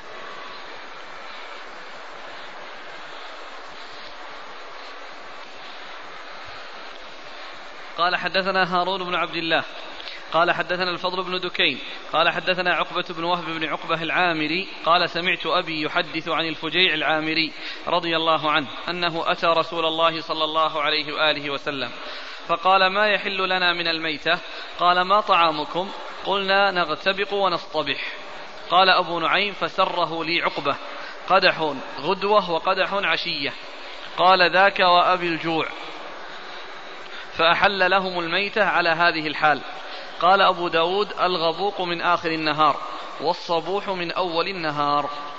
ثم رد أبو داود حديث فجيع العامري رضي الله عنه أن أن أنه جاء إلى النبي صلى الله عليه وسلم وقال قال ما يحل لنا من الميتة؟ ما, يح... ما الذي يحل لنا من الميتة؟ قال ما طعامكم؟ قال إننا يعني آه نغتبط يعني آه في الصباح وفي العشي. آه ثم وصف ذلك بأنه قدح يعني في الغداة وقدح في العشي يعني قدح من الحليب. فقال ذاك وأبي الجوع يعني ما يكفي هذا الطعام لا يكفي. ثم إنه أباح لهم أن يأكلوا يعني الميتة والحال أن حالهم هذه. وهذا يعني الحديث يعني غير صحيح. وفيه أيضا أن الحليب أو اللبن سبق من ربنا أن أن أن أن, أن, أن أنه ليس شيء يجزي عن الطعام والشراب إلا اللبن. وقد جاء فيه أنه يقول يعني اللهم بارك لنا فيه وزدنا منه. وغيره يقول اللهم بارك الله اللهم بارك لنا فيه وأطعمنا خيرا منه. وأما هذا فيقول اللهم بارك لنا فيه وزدنا منه. وقال ليس شيء يجزي. هذا حديث يدل على أنه يجزي عن الأكل والشرب اللي هو اللبن أو الحليب. فيعني كونه ثم أيضا كونه يقسم يقول أبي حلف بأبيه. آه، كل هذا يعني يدل على أو هذا ما يدل على نكارة المتن. وأما آه، من فيه ضعف. نعم. قال نغتبق ونصطبح. قال أبو نعيم. الغبوق هو شرب الحليب واللبن في المساء في الليل. في الغبوق والاصطباح هو شربه في الصباح. يعني شرب اللبن أو الحليب في الصباح. وذاك شربه وفي الليل اللي هو الغبوق. نعم. قال أبو نعيم فسره لعقبة. فسره. ها؟ فسره فسره, فسره. لعقبة. قدح غدوة وقدح عشية. نعم. قال حدثنا هارون بن عبد الله. هارون بن عبد الله الحمال البغدادي ثقة. أخرج له مسلم وأصحاب السنن. عن الفضل بن دكين. الفضل بن دكين هو أبو نعيم. ثقة. أخرج له أصحاب كتب الستة. عن عقبة بن وهب بن عقبة. عقبة بن وهب بن عقبة وهو مقبول أخرج أبو داود. وهو مقبول أخرج له أبو داود. عن أبيه. أبيه هو مستور. نعم هو مستور أخرج له أبو داود. عن الفجيع العامري. عن الفجيع العامري رضي الله عنه أخرج حديثه. أبو داود. أخرج حديثه أبو داود. فهو ضعيف من حيث الإسناد وأيضا من حيث المتن فيه نكارة من جهة أن الحليب أو اللبن الذي يستعملونه في الصباح والمساء أنه يعني لا يكفي وأنهم يأكلون آه، آه، لحم الميتة مع ذلك. يعني يأكلون لحم الميتة مع ذلك. نعم.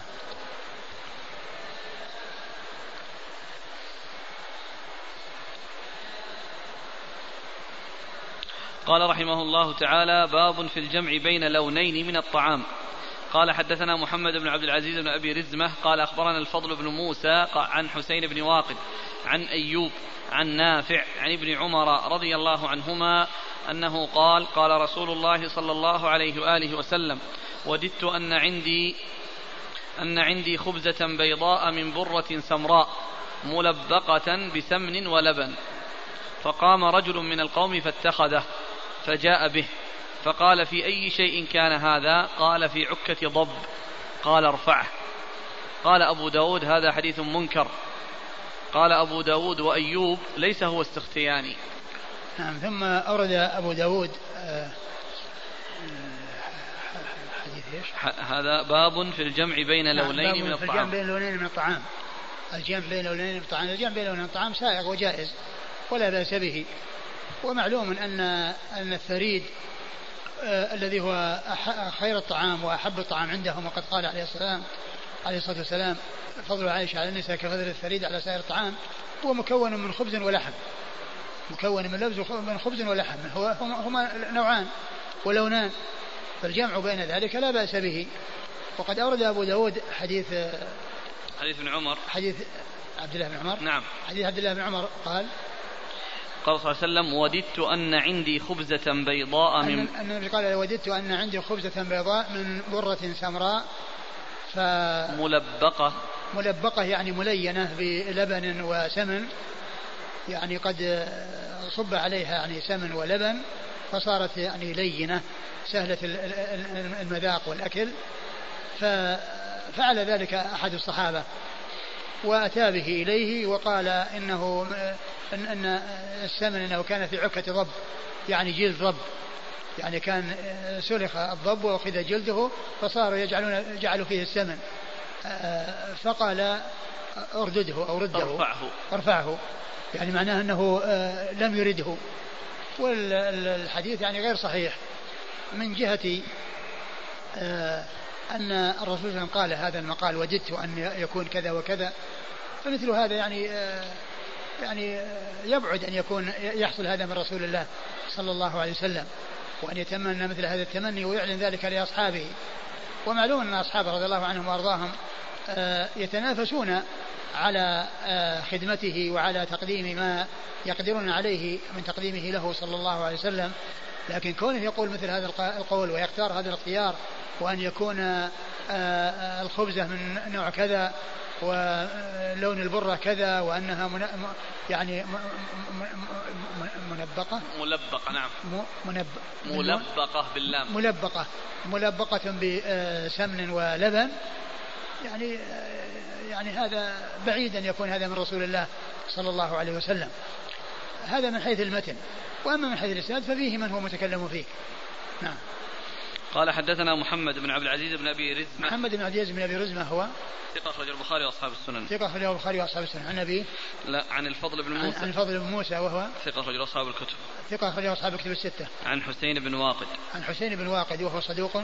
ثقة له أوهام. وهو ثقة له أوهام أخرج له. البخاري تعليقا ومسلم وأصحاب السنن. البخاري تعليقا ومسلم وأصحاب السنن. عن أيوب عن أيوب وهو بن خوط وهو متروك. وهو متروك. أخرج له أبو داود بن ماجه. أخرجه أبو داود بن ماجه. عن نافع عن ابن عمر. عن نافع مولى بن عمر وهو ثقة. أخرج له أصحاب كتب الستة.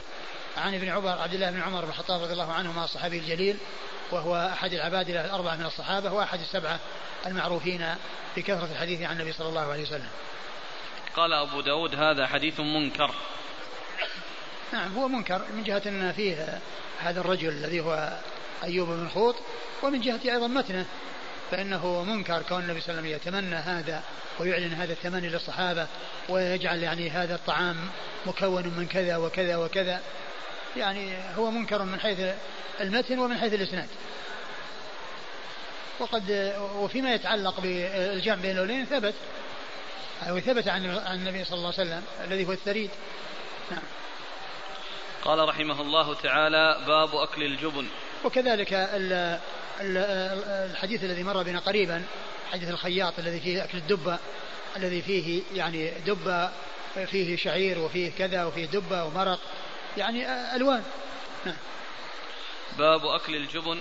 قال حدثنا يحيى بن موسى البلخي قال حدثنا إبراهيم بن عيينة عن عمرو بن منصور عن الشعبي عن ابن عمر رضي الله عنهما أنه قال أتي النبي صلى الله عليه وآله وسلم بجبنة في تبوك. فدعا بسكين فسمى وقطع. ثم ورد أبو داود باب أكل الجبن. وقد أورد في حديث ابن عمر. ابن عمر النبي النبي أتي بجبنة في تبوك يعني قطعة من الجبن في تبوك يعني في غزوة تبوك. فسمى وقطع. فدعا بسكين. فدعا بسكين فقطع.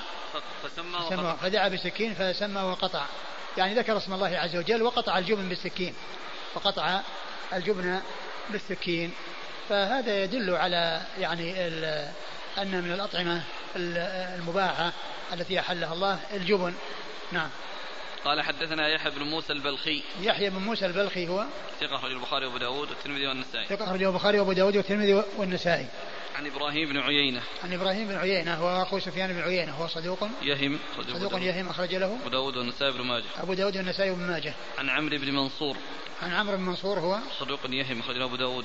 صدوق يهم أخرج له أبو داود. عن الشعبي. عن الشعبي هو عامر بن شراحيل الشعبي ثقة أخرج له أصحاب كتب الستة. عن ابن عمر. عن ابن عمر وقد مر ذكره. قال رحمه الله تعالى باب في الخل.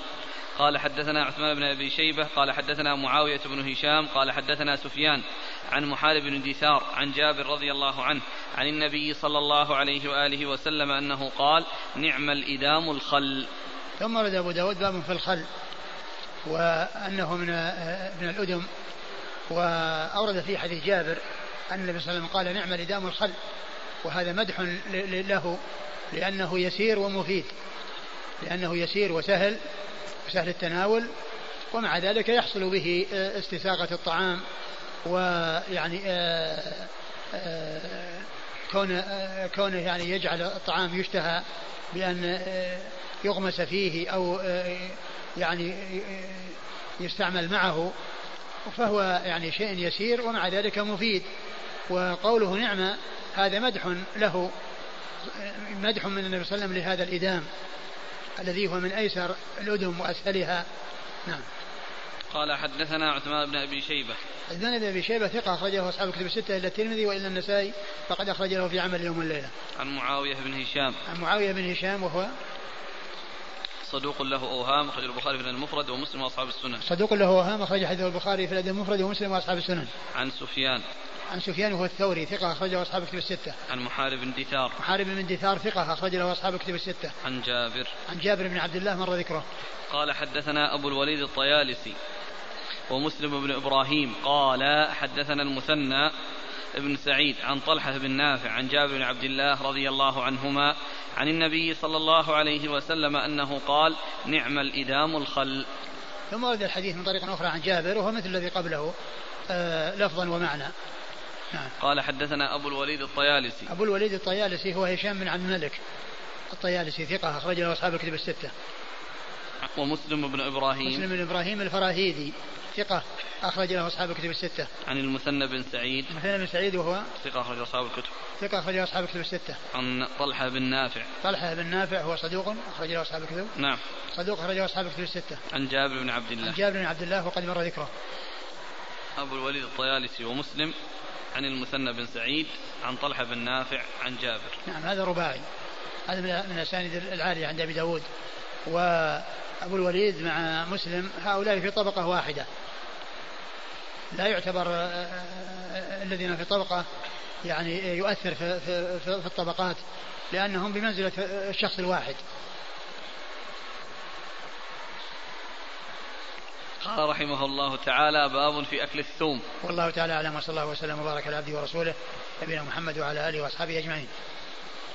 جزاكم الله خيرا وبارك الله فيكم ونفعنا الله بما قلتم. يقول السائل هل يستعمل الخل شراب فقط فيكون حلال؟ والله ما ما نعلم شيئا يمنعه يعني هو فيه حموضة ولكنه في الغالب أنه يستعمل إدام وهو يعني آه، آه، يجعل الطعام يشتهى. بكونه يغمس فيه ويضاف إليه. نعم. يقول ما معنى الإدام؟ الإدام هو الذي آه، يستساغ به الطعام. هو الذي يستساغ به الطعام. يعني مثل الخبز يغمس يعني في في مرق ولا في آه، خل ولا في غير ذلك. يقول هل صحيح أن الخل يأثر على الحفظ حيث يضعف الحفظ؟ كما ورد عن بعض الأئمة من أراد الحفظ فلا يأكل الخل. والله ما ما أدري ما أعرف عن هذا شيء.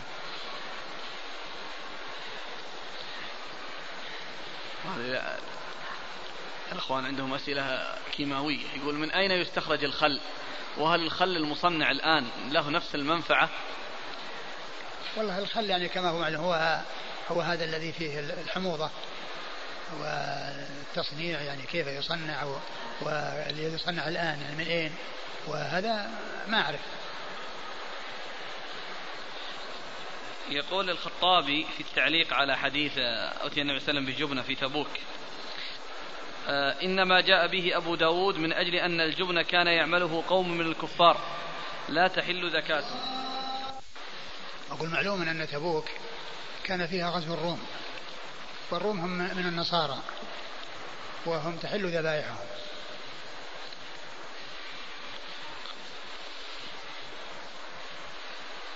لكن هذه الكلمة اللي قال أن الجبن كان يعمل يعمله قوم الكفار لا تحل زكاتهم وكانوا يعقدونها بالأنافح.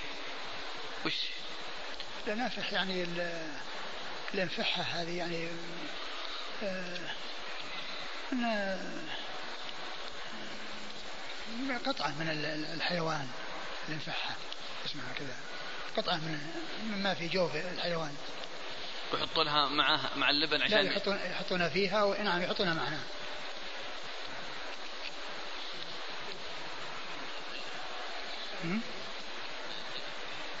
لا ما هي بالله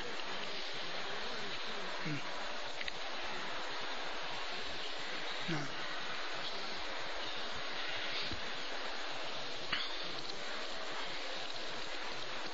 يقول هل يجوز استعمال جلود السباع بعد دباغتها مثل جلد الثعلب؟ لا. ما التي تحل التي تحل آه، بالدباغ هي ميتة ما يؤكل لحمه. أما ما لا يؤكل لحمه فذكاته كميتته. يعني ذكاته كميتته يعني لا يحل بالتذكية يعني وإنما الذي آه، لأنه ميت ولو ذكي. لأنه يعتبر ميتة ولو ذكي الذي لا يؤكل لحمة. وإنما الذي آه، تحل بالذكاة بالدبغ هو الذي آه، يحل لحمه. أقول ميتة ما يحل لحمه هو الذي تنفع فيه تنفع فيه ينفع فيه الدماغ الدباغ.